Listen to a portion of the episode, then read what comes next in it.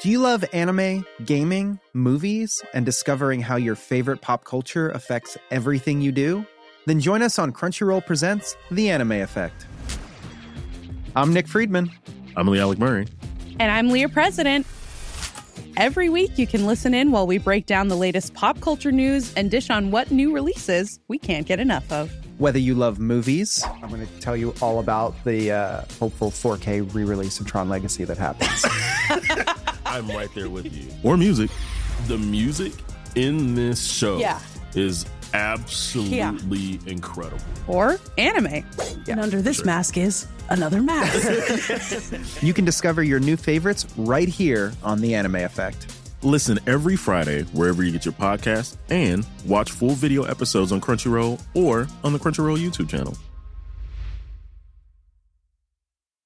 Hey, I'm Ryan Reynolds. At Mint Mobile, we like to do the opposite of what Big Wireless does. They charge you a lot, we charge you a little. So naturally, when they announced they'd be raising their prices due to inflation, we decided to deflate our prices due to not hating you. That's right. We're cutting the price of Mint Unlimited from $30 a month to just $15 a month.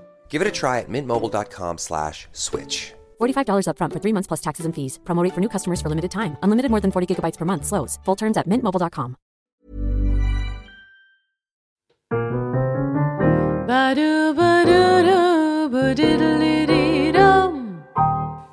Hej kära lyssnare, älskare, vänner och kollegor av Burlesque-podden. Välkomna till månadens program. Jag heter Aurora Brännström. Och idag så är det så att vi brukar ju sitta på Custom Music Productions egna studio. Men det gör vi alltså inte idag. Jag har fått äran att eh, befinna mig på mina gästers studio här idag. De är också poddare. Det här blir lite av ett annorlunda program. Jag känner mig väldigt annorlunda för att det här är en helt, helt annan plats än vad jag är van att sitta vid. Så jag känner att jag hostar ju det här men jag är samtidigt gäst. Märklig kombination där. men jag tror att det här kommer bli jättebra i alla fall. Det är fortfarande Andreas Hedberg på Custom Music Productions som redigerar ska jag säga. Så tack och välkomna hit till Burlesque-podden idag. Välkomna Padma och Per ifrån podcasten 6 plus. Tack så mycket. Tack så mycket. Härligt att ha er här. Mm. Kul att få intervjua två stycken poddare. Mm, Ja. och kul att få vara gäst också. Ja. Att eh, vi också får hamna i en ny situation så här. Ja. Precis, att vi slipper vara ledande. Ja eh, men precis. Ja. Jag tänker att eh, innan jag liksom drar igång den här intervjun så skulle jag gärna vilja att ni presenterade er själva och eh, också berättade lite grann om den här podcasten, vad det är för någonting.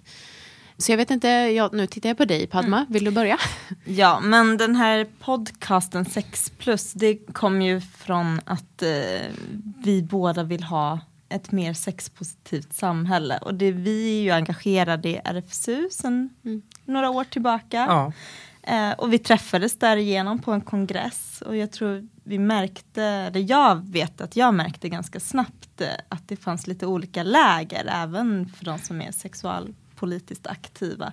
Oh, ja. Eh, och jag drogs väl till dig och några andra som jag tyckte hade åsikter som ja, var i linje med mina så att säga. Lite mer positiva, Ja. lite mer bejakande kanske. Ja. Precis. Jag, jag, mitt engagemang i RFSU har varit att jag har jobbat kring relationer mycket, drivit eh, samtalsgrupper för något som heter fria relationer. Eh, där vi pratar om normer eh, för hur vi bygger våra relationer. Och, Mm. Men även sexliv och familjeliv och allt möjligt. Så. Mm. Spännande frågor. Mm. Oerhört. Verkligen. Mm. Och du då Per? Ja, eh, som sagt har varit eh, RFSU-engagerad i ett gäng år. Just nu är jag väl inte jätteaktiv, men jag har suttit i styrelsen för RFSU Stockholm i, blev det tre år tror jag? Ja. Mm. Och har väl ett annat engagemang sedan tidigare i Pride och lite sånt. Just nu så eh, är jag lite mindre aktiv i de här klassiska föreningarna vad gäller sexualpolitik. Ja. Eh, och ägnar mig kanske lite mer åt allmänpolitik på den mer liberala sidan. Mm. Men också åt eh, scouting och helt andra saker också. Ja. Och sen har vi då sen i våras det här lilla projektet 6 plus. Eh, det började väl egentligen förra året redan med de första diskussionerna.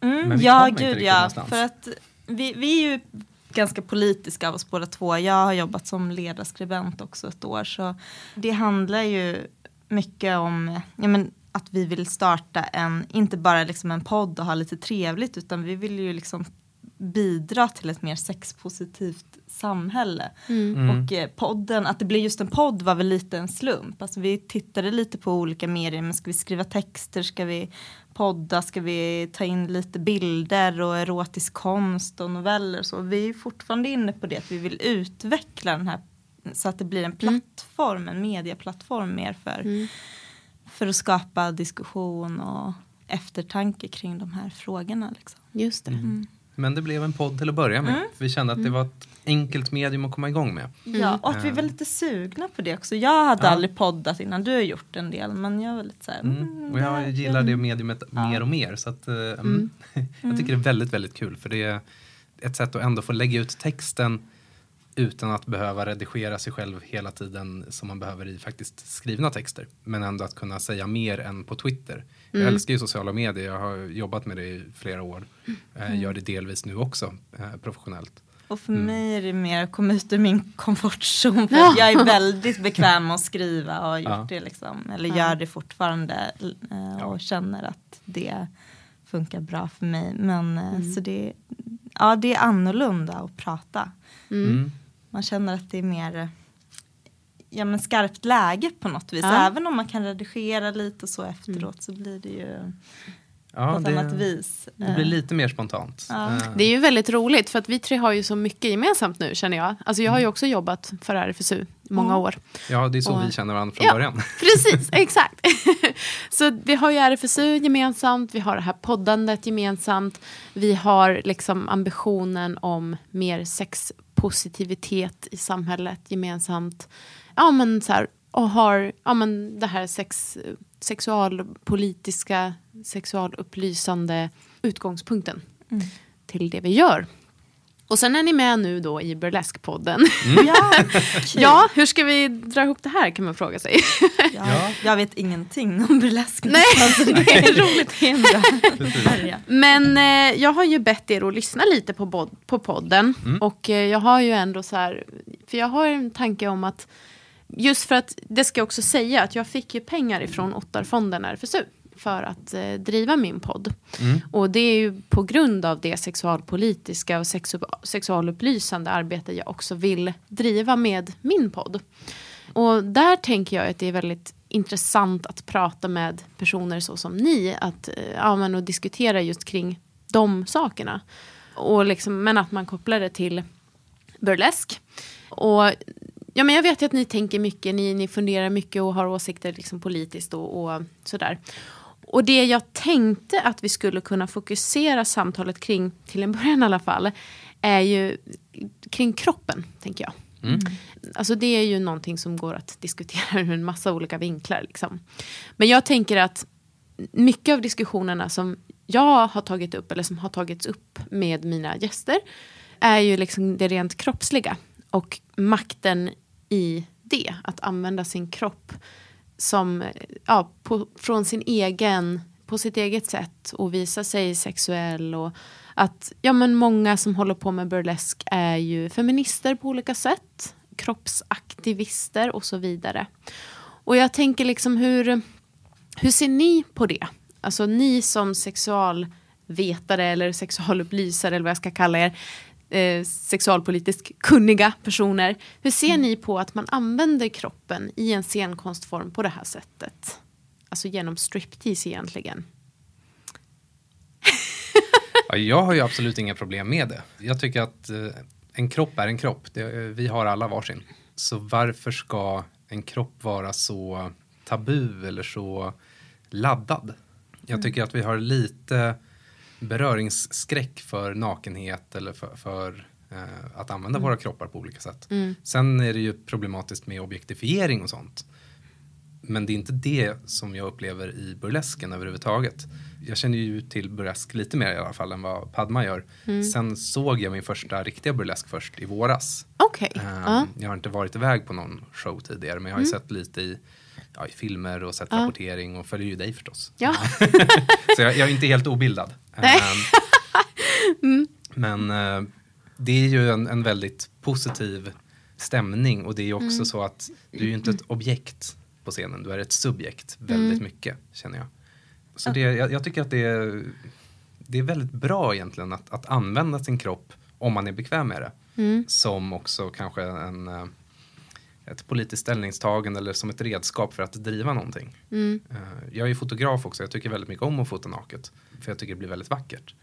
Eh, Men det har ju, för mig i alla fall, då inte någon sexuell laddning. Utan det är ju, det är ju konst. Mm. Och kanske också ett redskap för att sprida ett budskap. eh. Beroende på vilken sorts bilder du tar. Ja, ja visst. Det, visst, det kan ju säkert vara kul att fota sexuellt och så också. Men det är ingenting som jag har gjort själv. Och det är liksom inte min grej. Mm. Utan jag ser det mer som, ja men det här är snyggt. Ja, alltså jag tänker ju allmänt att jag vill att vuxna människor ska få göra vad de vill med sina kroppar och det som skapar dem glädje och njutning och kickar om man så vill. Liksom.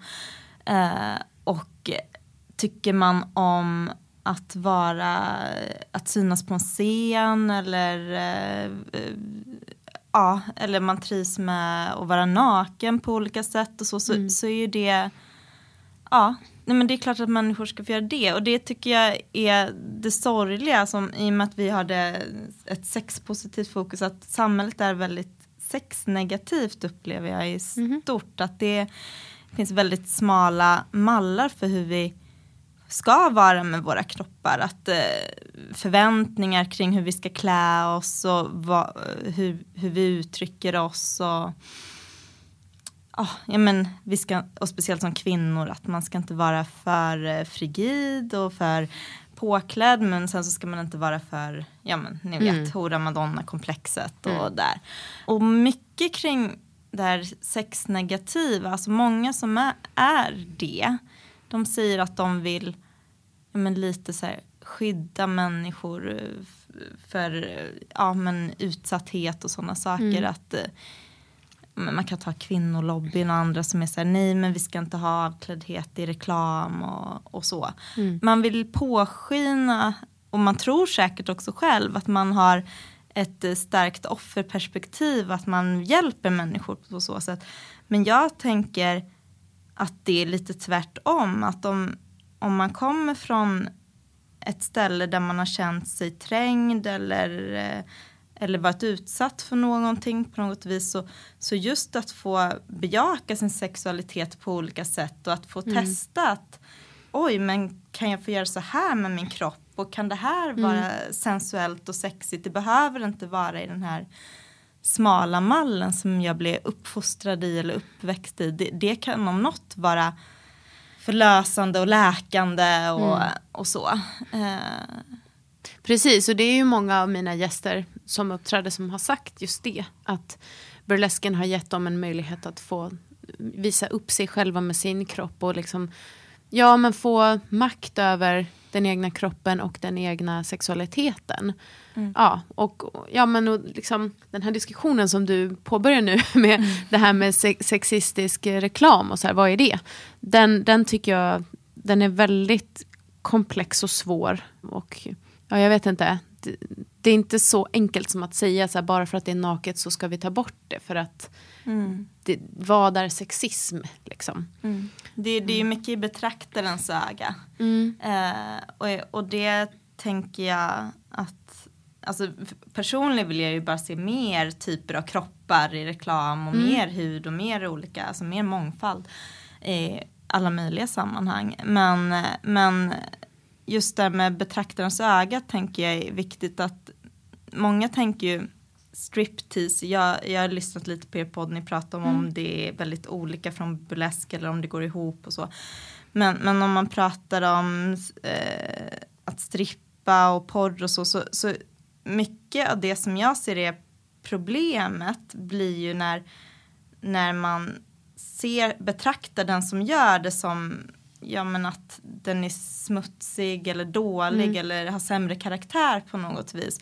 Eller som att åh stackars vilseledda människa som Mm. inte förstår sig själv och vet sitt eget bästa. Just det. Men om eh, blicken istället är vilken människa som är i sin power och gör sin egen grej. Mm. Då, då tror jag att det hade varit väldigt många fler som hade velat ägna sig åt att, att på olika sätt visa sin kropp och sin sexualitet i film, i konst, på scen. Mm. Om man visste att andra människor tittar på mig med en positiv och stärkande blick och inte med Just den här det. Mm. nedlåtande.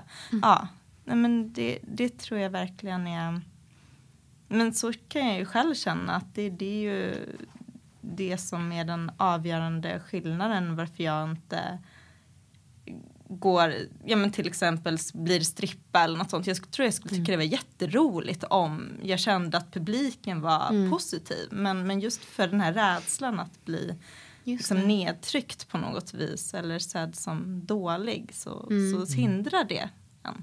Och det är ju inte alltid publiken Mm. som ser dig som dålig utan det är ju omgivningen också. Vilket Ja. ju säkerligen påverkar Ja. ännu mer kanske än vad, hur publiken tittar på dig. Och det är väl lite där som det finns ett problem också. Det, det här offerperspektivet. Mm. Att du förutsätts alltid vara ett offer om du eh, ja, men exempelvis har sex mot ersättning. Mm. Så ses du alltid som ett offer. Och det finns folk som är offer såklart i det här. Det finns människohandel. Men det finns också människor som gör det av fri vilja och gör ett informerat val. Men de får liksom inte finnas enligt Nej. vissa. Och det är väl lite det anslaget vi försöker ha också. Så här att vi, vi vill ju vara sexualpositiva. Sen vill vi ju inte ignorera problemen. Nej. Däremot vill vi ju inte att då den positiva delen ska ignoreras istället bara för att vi kan ta upp det också. Och det är det här knepiga att ha flera tankar i huvudet samtidigt. Ja. Och att faktiskt låta människor vara subjekt Ja. eh, när de är det. För det är ju ofta det som, som du gör om du eh, kallar någon för ett offer som inte själv känner sig som det. Så erkänner du ju inte deras egen möjlighet att vara ett subjekt. Nej. Utan du gör dem till ett objekt också. Det, det har jag lite problem med. Ja. Men om man tittar lite på debatten, alltså det, jag tycker det blir nästan en falsk motsättning då mellan de som säger sig värna om, om offerperspektivet och, och eh, istället då eh, shamear till exempel BDSM-utövare, att ja, men det där med maktförskjutningar det är ju bara patriarkalt och det kan inte vara bra. Och de som då är sexpositiva, att vi bara skulle bry oss om eh, våra friheter men inte, inte tänka kring eh, offer. Utan jag tänker ju just att Ja, men till exempel om man, om man kommer från ett ställe där man har lärt sig att sex bara får se ut på det här viset så kan det vara jättehärligt att upptäcka att oj, men jag kan få leka med min sexualitet så här och så här. Jag kan leka med maktförskjutningar, jag kan leka med piskor eller jag kan leka med olika kläder eller få ställa mig på scen eller vad det nu än är. Eller, ja, och kanske få ja, men, eh, vända blad lite och börja om med sin sexualitet på det viset. Men hur kände du, eh, om vi ska prata, jag tänker, jag vill koppla tillbaka till det här du sa med, med bet- betraktaren, alltså blicken. Per, när du var på din första burlesque-show där. Ja. hur, Jag kände mig som gaykille och så tittade på väldigt mycket tjejer som klädde av sig. Det var, var en intressant upplevelse. jag var där med en tjejkompis. eh, Okej, ja. Som jag tror är, nej inte riktigt straight, hon är bi, men i alla fall. Ja. Eh, men det var också, det var ju väldigt uppenbart att anledningen att vara där var ju inte sexuellt laddad. nej, nej, men precis. Jag tänkte precis fråga dig liksom, hur du upplevde eh, att vara den som har blicken i det sammanhanget. Det är intressant, för jag menar, jag har ju gått på så mycket burlesk så att jag kan nästan inte ens prata om det längre. Nej, det kan jag Eh, tänka mig. blir lite, Ja. är inte avtrubbad, men alltså, Ja. man får ju en annan blick då. Ja, man blir också lite hemmablind. Eller så här, det är Ja. min miljö. Så att, men det vore precis. intressant att höra, liksom, vad, vad var dina tankar om det? Eh, nej, jag, jag märkte ju verkligen att det här är ju show. Mm. Eh, sen råkar det vara lite naket, men det är ju inga, alltså, inga grova saker så. Eh, utan det här, är ju, det här är för att det är kul. Mm. Ja. Och det syntes ju på de som var på scenen också. Och sen, såklart, det var ju varierande hur kul jag, jag upplevde numren. Liksom. Vissa Mm. var ju väldigt så, anspelade väldigt mycket på att göra en rolig eh, show. Ja. Medan andra mer körde, det klassiska, kanske bara striptease. Liksom. Mm. Eh, och det, det var ju trevligt att se, absolut. Mm. Eh, för att det är ju ändå en, en intressant konstform. Mm. Men jag tyckte det var roligare med de som gjorde en hel show och kanske en liten berättelse kring det. Mm. Det är klart att det blev ju mer underhållande. Men det är ju också så här, som jag vet av liksom många av mina kollegor och vänner som håller på och uppträder och, och strippar, att det, det är ju väldigt stor skillnad att stå på då till exempel Nalens stora scen och liksom det är ett event som folk har köpt biljetter till mot att kanske göra en privat bokning. Det är ju många som gör det och så här är surprise på någon födelsedag eller om man uppträder på en klubb där det är mer inträde, vem som helst kan komma in, inget eh, förköp och så vidare. Så där tänker jag att det är intressant just med, med betraktarens öga. För jag vet ju att, att eh, ja, men samma artist som gör samma akt på de här, om vi säger de här tre olika arenorna, upplever ju helt olika saker. Hur det mottas. Ja, och det här var ju på Kägelbanan. Mm. Och det, publiken där kändes ju väldigt eh, insatt Mm. eh, i, i burlesk. Mm. Eh, så det blev ju antagligen en annan stämning än det kanske skulle bli på en slumpmässig klubb någonstans. Mm. Men det är väl det man vill ha, en slags vad ska man säga, medveten publik eller något. Alltså någon, Mm. eh, en publik som respekterar ens arbete. Eller, Mm. ja, eh, och det Just tänker jag att hade det varit det på vanliga strippklubbar också så hade det Millions of people have lost weight with personalized plans from Noom, like Evan, who can't stand salads and still lost 50 pounds. Salads, generally, for most people, are the easy button, right? For me, that wasn't an option. I never really was a salad guy. That's just not who I am. But Noom worked for me. Get your personalized plan today at Noom.com. Real Noom user compensated to provide their story. In four weeks, the typical Noom user can expect to lose one to two pounds per week. Individual results may vary. Hey, I'm Ryan Reynolds. At Mint Mobile, we like to do the opposite of what Big Wireless does. They charge you a lot, we charge you a little. So naturally, when they announced they'd be raising their prices due to inflation, we decided to deflate our prices due to not hating you. That's right. We're cutting the price of Mint Unlimited from $30 a month to just $15 a month. Give it a try at mintmobile.com slash switch. $45 upfront for three months plus taxes and fees. Promo rate for new customers for limited time. Unlimited more than 40 gigabytes per month. Slows. Full terms at mintmobile.com. Ja. Det, det kanske är blandat, jag tänker att det är väl olika. Men eh, om man tittar på hur samhället stort eh, ser ut och hur man pratar kring eh, människor som jobbar med sin kropp på det viset eller strippar eller Mm. säljer sex. Har ni så. varit på strippklubb? Jag har sett en Ja. massa go-go-dansare på gayklubb. Men Ja. Ja, det är väl det närmaste. Liksom. De In- står i in- små hotpants. Liksom, Ja. typ. Jag har inte varit i Sverige på strippklubb. Nej. Nej. Mm. Nej, jag har inte varit alls. Mm. Jag bara tänker, för den här diskussionen är ju alltid knepig om man Mm. bara har erfarenhet från den ena sidan. Mm. Sådär. Och det Ja. inkluderar även mig, för jag har inte varit på strippklubb ännu i mitt liv. Nej men du, Ja. jag, du pratade om det lite i ett avsnitt, Mm. mm. kommer jag ihåg. Om det här att, eh, hur viktigt det är att faktiskt bilda sig en uppfattning, Mm. inte bara genom hörsägen. Ja.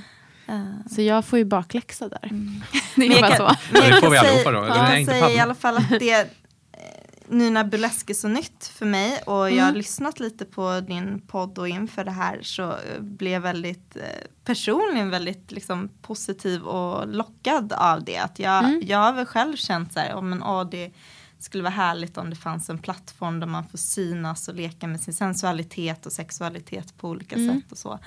Eh, Jag är väl lite exhibitionistiskt lagd. Men det är Så trevligt. det, ja, Det är vi men- nog alla eftersom vi står Ja. här.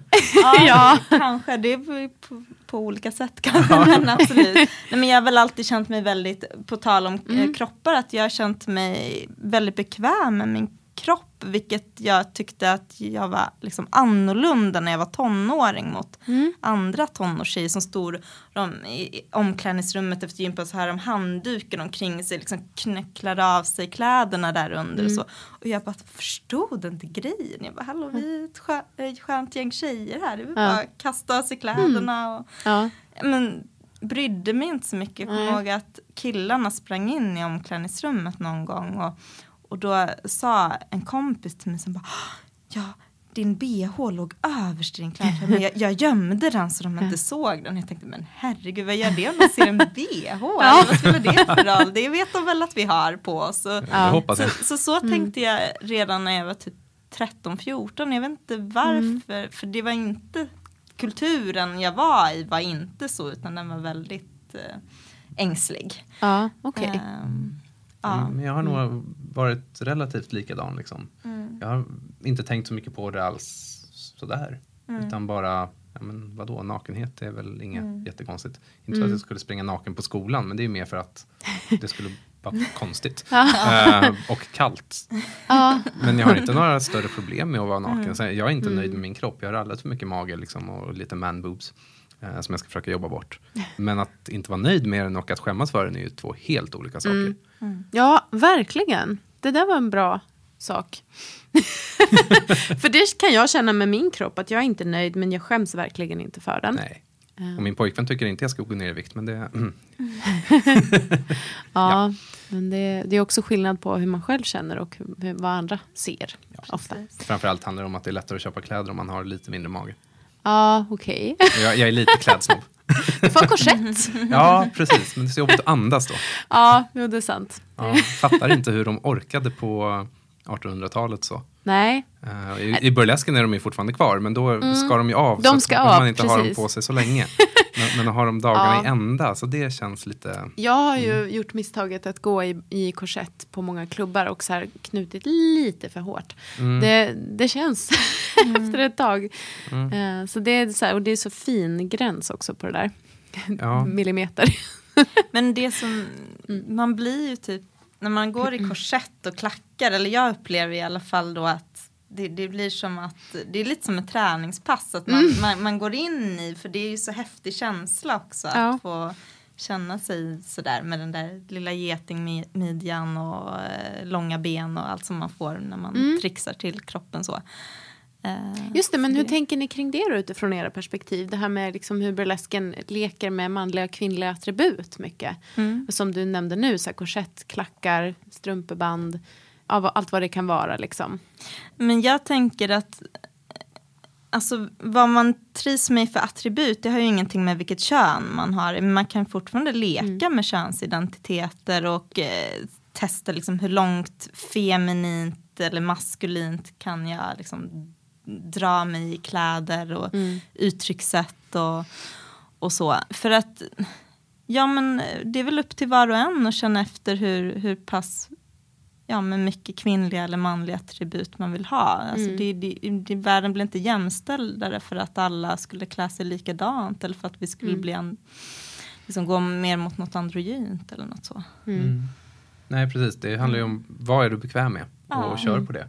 Eh, och tycker att folk borde sluta värdera andra människor utifrån hur de väljer att, att Mm. eh, ge uttryck för sig själva. Ja. Men precis, sann jämställdhet tycker jag ju är att en kvinna kan förklä sig som en man eller som en kvinna eller någonting däremellan eller bara växla hur hon vill och en man gör samma. Alltså, att, att vi får bestämma själva och det kan vara olika i olika sammanhang och det behöver inte vara att aha men igår var du sådär men idag är Mm. du så. Det betyder att det där inte var ditt riktiga du eller något sånt utan man Mm. måste kunna få leka och känna efter och testa. Och, Mm. Ja. Jag tycker ju väldigt mycket om att ha kilt. Ja. Det är häftigt och det är väldigt snyggt. Ja.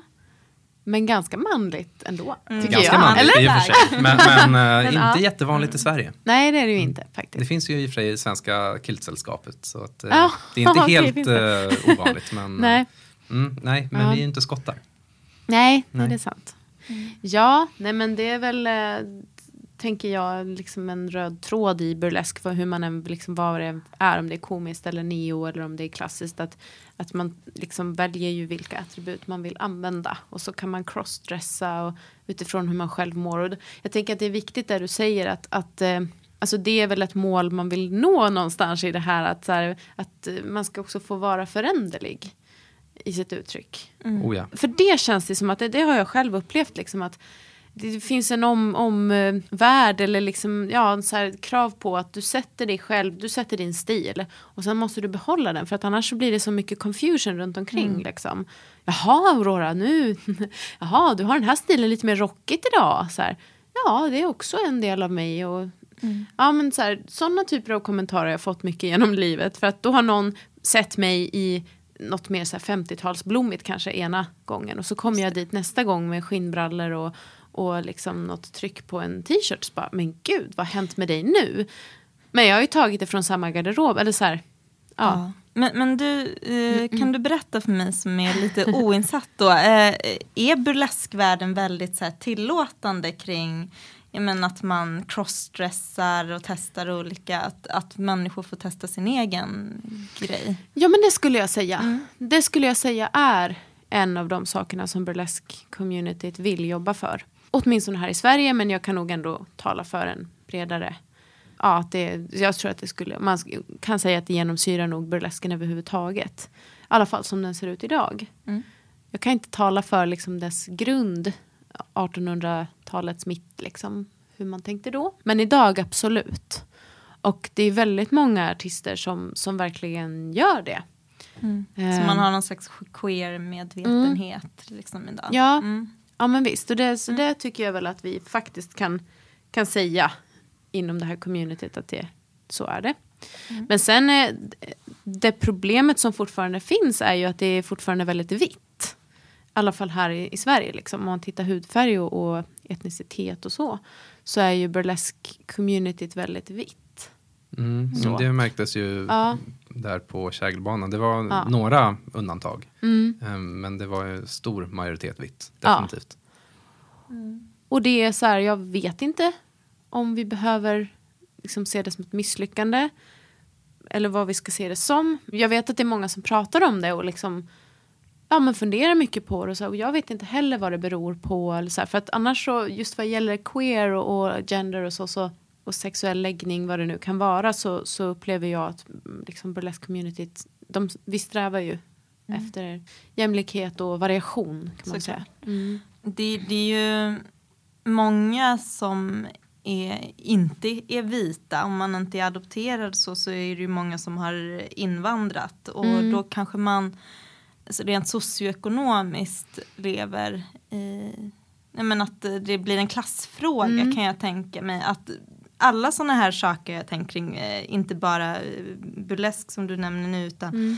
när man går in i det här med att eh, hitta sig själv och personlig utveckling på olika sätt. Och, och, det, det kräver ganska mycket tid. Mm. Och, och det, det blir en klassfråga ofta. Att det är ofta Just människor det. som har tid och pengar till att lägga på att eh, leva ut sin sexualitet.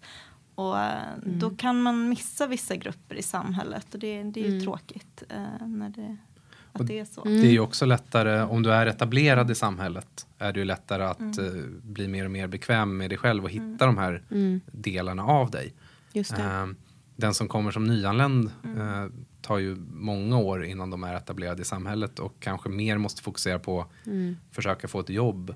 Eh, inte Mm. vågar sticka ut för mycket, speciellt när det kommer till en ny kultur. Mm. För du vet Mm. inte vad som kommer förstöra dina chanser att ta dig in i samhället. Mm. Så det tar ju längre tid att, att våga leva ut sådana här saker Mm. när du inte är redan relativt i alla fall då väletablerad. Mm. Men hur ser det ut med burlesken i till exempel USA där, inte, där eh, det finns en ganska stor eh, eh, svart befolkning som ja, inte är invandrare. Mm. Alltså som, det, är en, det är en helt annan scen där Mm. I USA. Jag har sett en del burlesk i New York till exempel. Det är en Mm. helt annan scen skulle jag säga. Precis, Mm. för det är det, det är det jag tänker Mm. att det har med det att göra förmodligen.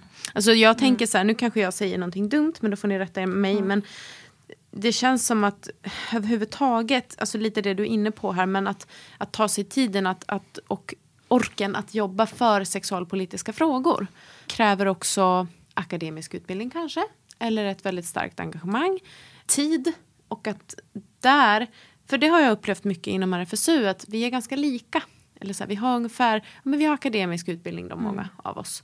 Eller så är man liksom, man är ju inte direkt kanske underklass, man är inte överklass, men man är så här en medveten, Mm. ganska jämn, så här lik, likartade folk som och att, ja, jag vet inte riktigt vad jag ska säga om det, om det är dåligt eller liksom att, ja. Sen så kan det ju vara, mm, alltså det blir lika var vi är nu, sen kan det ju finnas klassresor bakom. Alltså jag, Mm. jag själv kommer ju inte från en, absolut inte från en akademisk miljö, utan jag Mm. känner ju att jag har, som man säger, jobbat mig Ja. uppåt och jag känner verkligen av de här när jag kom i de här sammanhangen första gången så kände jag mig väldigt udda och konstig innan jag kom liksom Mm. in i okej okay, det är så här man pratar, det är så här Mm. man tänker och, och, och så. Så visst finns det en, blir det en, en homogen kultur kring det men Mm. det, den, det går att bryta sig in Ja. Utifrån. Ja, men, det, men, det. men det är väl ofta så att gör man inte den klassresan eller så, så, så kanske man, jag menar, har man eh, dubbla skift på hemtjänsten och, och sliter väldigt mycket. Liksom, det, det är som vi säger, det blir inte att man har den, får den tiden och Mm. Nej, engagemang kräver ju att du har tid, Mm. fritid Ja. att ge. Um, Mm. Och visst, det, du kan ju säkert ha tid även om du då inte jobbar. Men många orkar kanske inte eller vågar inte med tanke Mm. på vad Arbetsförmedlingen kanske säger och så. Ja. Eh, Men du behöver ju tid att kunna lägga på sakerna. Mm. Jag skulle inte säga att det krävs akademisk utbildning för engagemanget. Nej, Men en gör. medvetenhet och en viss Ja. attityd kanske. Och väldigt mycket engagemang i Sverige, speciellt kring opinionsbildning och politik, Mm. Är väldigt akademiskt i sin attityd i alla Mm, fall. mm. Så Så om kan du kommer dit som, Mm. som arbetarklassunge med kanske ett sånt språk också, Ja, så tror jag att många kommer undra lite vad, vad du gör där. ja. I många fall är det nog inte illa ment. Det är Mm. mer det att, oj, vad är det här? Det här är okänt. Det här är Mm, lite mm. udda. ja, men det kanske handlar mycket om det, liksom det här språket. Alltså sättet att kommunicera kring de här frågorna. Ja, att det sätts på en viss nivå. Det märker Och- vi ju här också. Vi Ja. använder kanske inte Ja. världens lättaste språk, även om det Ja. inte är akademiska termer. Nej, det är sant. men jag känner ju Mm. bara nu, vi pratar om ganska känsliga saker just Ja. nu och att det är liksom Mm. så här, men använder jag rätt ord, trampar jag Mm, någon på mm. fötterna, alla de här Absolut. grejerna, att det, att det snurrar hela tiden i bakhuvudet och då är, är jag ändå själv mörkhyad och som sagt inte kommer från någon medelklassbakgrund utan Nej. tvärt, Mm. men, men att det ändå, så fort man anses vara i någon slags Ja, men att man har en röst liksom, som vi ändå har som opinionsbildare och att vi hö- hörs och syns och så Mm. på olika sätt så, så eh, tycker jag också att det ställer lite högre krav på en att man eh, i alla fall reflekterar kring de här sakerna. Hur använder jag mitt språk? Och, Mm. Mm. Definitivt. Ja. Det ska ju vara, jag tycker vara det är rimligt att det finns ett lite högre krav på en. Att man försöker vara inkluderande. Och, Ja, ja, Mm. absolut. Och jag ser det väl lite Mm. också som eh, att vi som har en röst och engagerar oss också Mm. använder den eh, för att hjälpa de som kanske inte har en röst, i alla fall Mm. inte på samma sätt. I mitt fall så är en av grejerna jag engagerar mig i transpersoner. Det berör inte mig personligen. Jag, jag är liksom vit cisman, förvisso inte hetero, men annars Mm. går jag ju in på alla de här privilegierade eh, grejerna.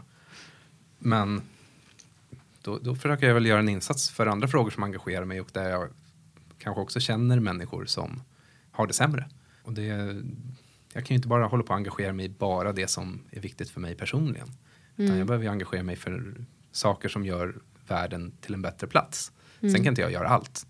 Eh, vi måste ju alla välja våra strider liksom, och vilka Mm. frågor vi känner att vi orkar kämpa för och vilka vi är insatta i på något Ja. sätt. Men Absolut. att vi ändå gör den insatsen känns viktigt. Ja, nej, men det är nog lite så jag tänker också. Att eh, eh, jag har möjligheten att använda mig själv och mina kunskaper som ett verktyg. Även fast det också är någonting som, alltså de frågor jag brinner för brinner ju jag för.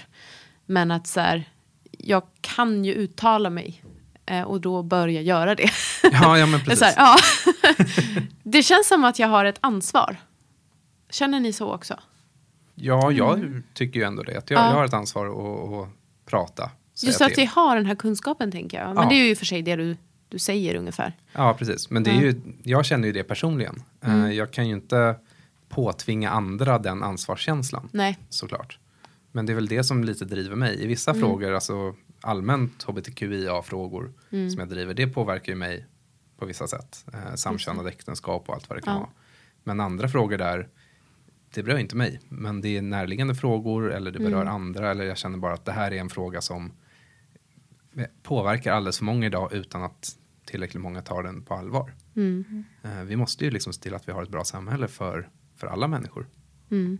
Visst känner jag ansvarskänsla men jag känner inte att det är någon börda eller något sånt. Eller Nej. ett ok Nej, nej. att dra. Utan Nej. det, det är ju verkligen så här, eh, kan man mycket om någonting eller är väldigt intresserad av någonting så, eller det ena leder ju till det andra. Är man intresserad av någonting så samlar man sig kunskaper och sen så vill man förmedla de kunskaperna ofta för att man blir, blir lite frälst på sin sak eller man liksom märker att åh, det här hade varit häftigt om fler visste om och kände till och så.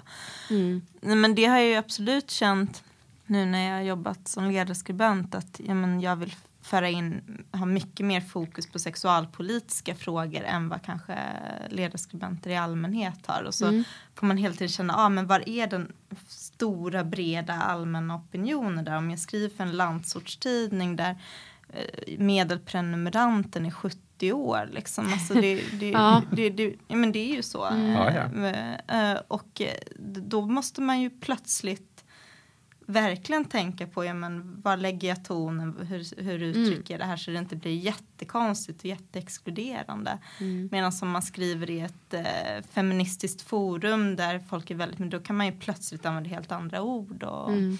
så. Ja, jag vill gärna fråga er eh, kring det här med sexpositivitet som Mm. ni båda två har nämnt. Vad tycker ni att det handlar om? Vad menar när ni pratar om det? Och vad menar du när du säger att det finns en sexnegativ bild? Liksom? Kan ni säga något konkret? Massor. Ja, går det att dra i Eh. någon tråd? En av trådarna har vi ju varit lite inne på det här med att nakenhet ses automatiskt som något dåligt. Mm. Att vara naken eller avklädd i reklam exempelvis, det är automatiskt dåligt. Ja, möjligtvis undantag för att sälja underkläder för H&M men ibland undrar man ju. Ibland ses det ju också nästan som något negativt. Mm. Att det- underkläderna ska säljas utan att det är någon som har dem på sig. Ja, just det.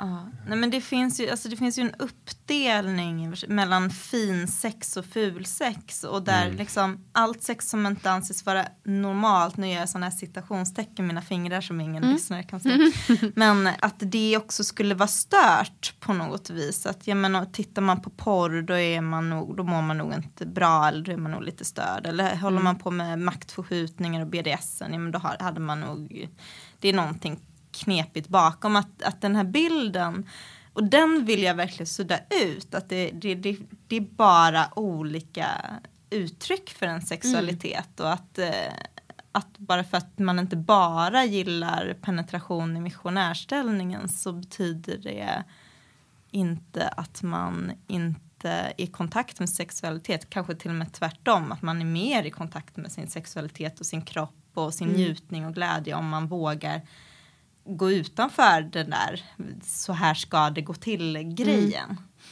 Så det, det samhället längtar jag efter och, och jag längtar också efter ett samhälle där man där, ja, men som du sa med nakenhet, där det inte är så sexuellt laddat, där vi kan få liksom Mm. medge att vi människor, vi har kroppar de ser olika ut och det är ingen stor grej och kvinnobröst, vadå liksom, Mm. vi ammar och vi håller, alltså så här, Just va- det. varför ska det vara så känsligt på Facebook så att Mm. man inte kan lägga upp en, en bild eh, Mm. om, om man är man går det bra men inte om man är kvinna och det Jag spelar har, ingen jag har roll. nästan lika stora bröst som du. Ja men precis.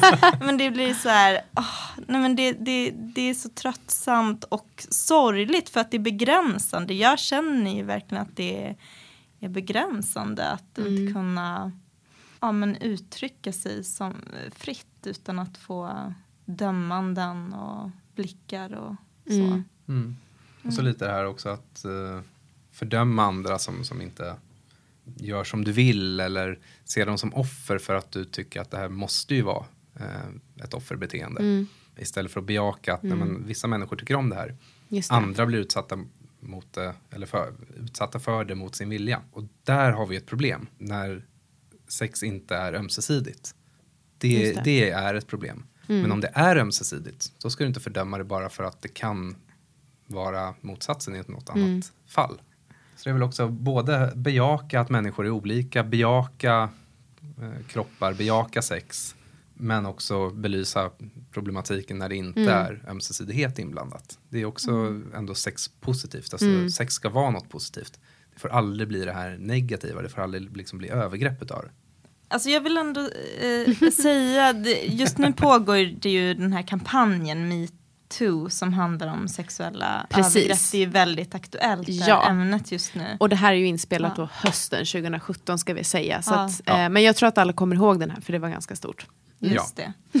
Och jag skrev något lite personligt på Facebook om vad jag hade varit med om. Och det tänkte jag först kring att, ja, men ska jag göra det? För jag har ju en sexpositiv profil. Liksom Mm. att, att folk kanske då ja, men, klistrar på mig det här vad jag orolig för. Att liksom, men om man har varit med om något dåligt, då är det därför hon gillar eh, att prata om ja, men, maktförskjutningar, BDSM och allt sånt. Att, att, Mm. att det då skulle vara någon slags störning utifrån det. Mm. Och det vill jag absolut inte att det, att det ska bli den blicken.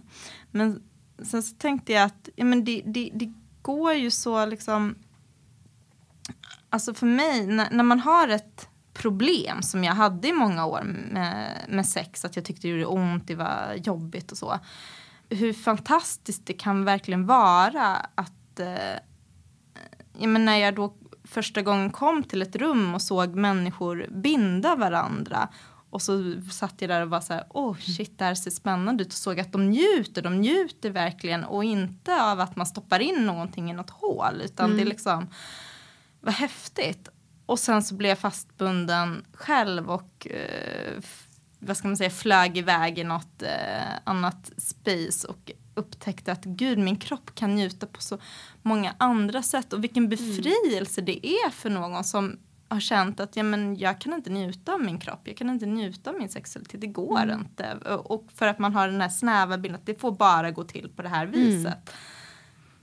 Att det, det ändrade ju hela mitt perspektiv på vad sex är och breddade det. Mm. Och eh, det tycker jag är jätteviktigt också att man kan prata om att det här, det här sexpositiva eller liksom att eh, människor lever ut sina sexualiteter på olika sätt. Att det verkligen kan vara också en räddning för, för människor som, Mm.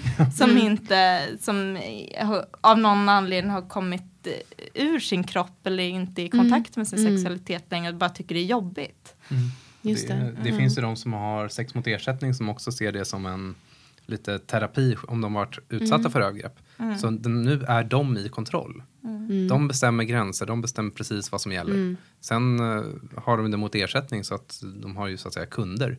Ja. Men de känner ändå att nej, men nu, nu har jag makten. Mm. Och vad jag har hört så finns det en del inom burlesken som, som tänker på samma sätt. Mm. Absolut. Som sagt, inga som jag har pratat med personligen, men jag har Mm. läst lite ja, berättelser och Mm. så. Och att det är väldigt så... ja, men Ja, men absolut. Och jag tänker det här att visa upp kroppen, för det, det har jag också gemensamt med flertalet som Ja, men några av mina gäster som har sagt att så här, men jag växte upp och kände mig ful till exempel. Eller jag har alltid haft komplex för det och det. Och sen hittade jag burlesken och insåg att det här är någonting jag faktiskt kan eh, vända till eh, positivt och någonting jag kan känna mig bekväm i. Och det är ju för att vara lite privat så samma chockterapi jag håller på med på sociala medier. Där jag lägger ut liksom egentligen nakna bilder men som jag retuschar liksom. Mm. För jag är inte helt nöjd med min kropp. Men Mm. jag vill gärna vara det och jag tycker att det är viktigt att så här, avdramatisera det. Mm. Och jag mår faktiskt bättre av det. Oh ja. Mm. Det, jag har ju lagt upp, det, det finns en del hyfsat nakna bilder på Mm. mig också som jag har Mhm. tagit själv då som självporträtt i och med att jag är fotograf. Mm. Och nej, som sagt, jag är inte nöjd med min kropp men jag får till väldigt snygga bilder på Mm. den om jag liksom väljer mina poser och Ja. vinklar. Och jag har tagit nakenbilder på liksom plus size eh, killar eh, speciellt. Eh, och lyckas, eh, tycker både de och jag, liksom få till det Mm. så att det, det är snyggt. Det, är, ja, det kan nästan liksom bli erotiskt men framförallt det, men det Mm. ser attraktivt ut. Det ser snyggt ut. Det visst, det ser inte ut som de här pinsmala modellerna eller killarna med tvättbräda. Det gör Mm. det inte. Men å andra sidan tycker jag personligen de kropparna är ganska ointressanta. För de Mm. ser nästan konstgjorda ut. Och i många fall är de ju det också i Photoshop. Ja, precis. Men det Eh, roliga är ju ja. mångfalden på kroppar. Och Mm. det är väl, tilltalar mig lite just med burlesken också. Att Mm. det, det är alla sorter. Ja. Verkligen. Och alla är välkomna. Precis. Ja, men exakt, men där tänker jag också att det inte för att jag ska säga liksom, att det du sa var fel. Men jag tänker att det är viktigt också att säga att är du smal så ska du också få vara smal. Eller så här. Precis. Att, ja, Det är det, Eh, alla är välkomna. Ja, det är bo- både båda håll. liksom så här, äh, fettpositivism är ju viktigt på samma sätt som det här äh, liksom revbensidealet. Jag menar Mm. det, det kan ju vara så att, att man är så. Det behöver inte vara att man är i en konstant struggle. Eller så är man det. Men att så här, för där kan jag känna att det finns ju mycket så här äh, avundsjuka kring det kanske. Man ser, eftersom idealet är smalt. Att det liksom vänds så mot personer som är smala många gånger också. Att så här, du, ja, att det, det blir en, en avundsjuka som inte är så sund. Liksom. Mm, ja, men absolut. absolut bli. Och det är ju Drick ofta lite det. grädde. Ja, men exakt. Folk kan g- kasta ur sig. Ja. Men just så här, många foton man ser, är, Mm. de kropparna finns det ju nästan ingen som har. Inte Nej. just de Precis, det måtten. har ju inte Ja. med För smalhet de att göra, proportionerna Nej, men det är är Ja. liksom så fel. och- Ja, det, fin- det ja. finns ju undantag, absolut. Men, Mm. men många gånger är det ju så. Mm. Eller ja, men som fotograf liksom vet ju det. Mm. Smörj in någon med lite olja så Ja. kommer du liksom få fram eh, magrutorna ännu mer utan Ja, att just behöva det. retuschera och så. Mm. Men du kommer ju aldrig se en snubbe på stranden som ser ut som de inte smörjer in sig med sololja var femte minut. ja, just det. Eh, Mm, så är det, det är ju mycket sådana trick, alltså både Mm. retusch och eh, bara showtrick, alltså Mm. smink eller, eller liknande saker. Mm, vinklar, Ja, posering. Ja, Precis. absolut. Men det jag tycker, och liksom jag, jag uppträder ju som sångerska, jag är ju inte burleskartist. Men det jag har gemensamt är ju just att jag gör de här nakenfotograferingarna ofta. Och eh, att jag så här, jag mår faktiskt aldrig så bra som när jag blir fotad av en duktig fotograf naken. Och jag tror att det är så många burleskartister känner. Just för att man får det här positiva tillbaka. Alltså när, nu är vi tillbaka där vi började prata. Den här blicken som är liksom, okej, nu kanske inte, liksom jag, jag, kan, jag har haft tur. Jag har jobbat med bra fotografer, ska jag Mm. säga. För det är ju viktigt då, att det är en fotograf som respekterar en och som liksom har en positiv approach till det jag gör. Liksom. Och det har jag haft turen att göra. Och så visst, det kan ju bli tvärtom också. Om man jobbar för en fotograf som inte är så professionell skulle jag vilja säga då. Mm. Men och, och samma sak där, liksom, att det beror ju på vilken publik du står inför. Men att det är ju liksom någonting som de flesta som jag känner och som jag har träffat och pratat med säger som uppträder. Liksom, att står jag framför en publik som, som klappar och cheerar och som är med mig så är det ju underbart. Jag känner mig aldrig så vacker och härlig och sexig som då. Liksom.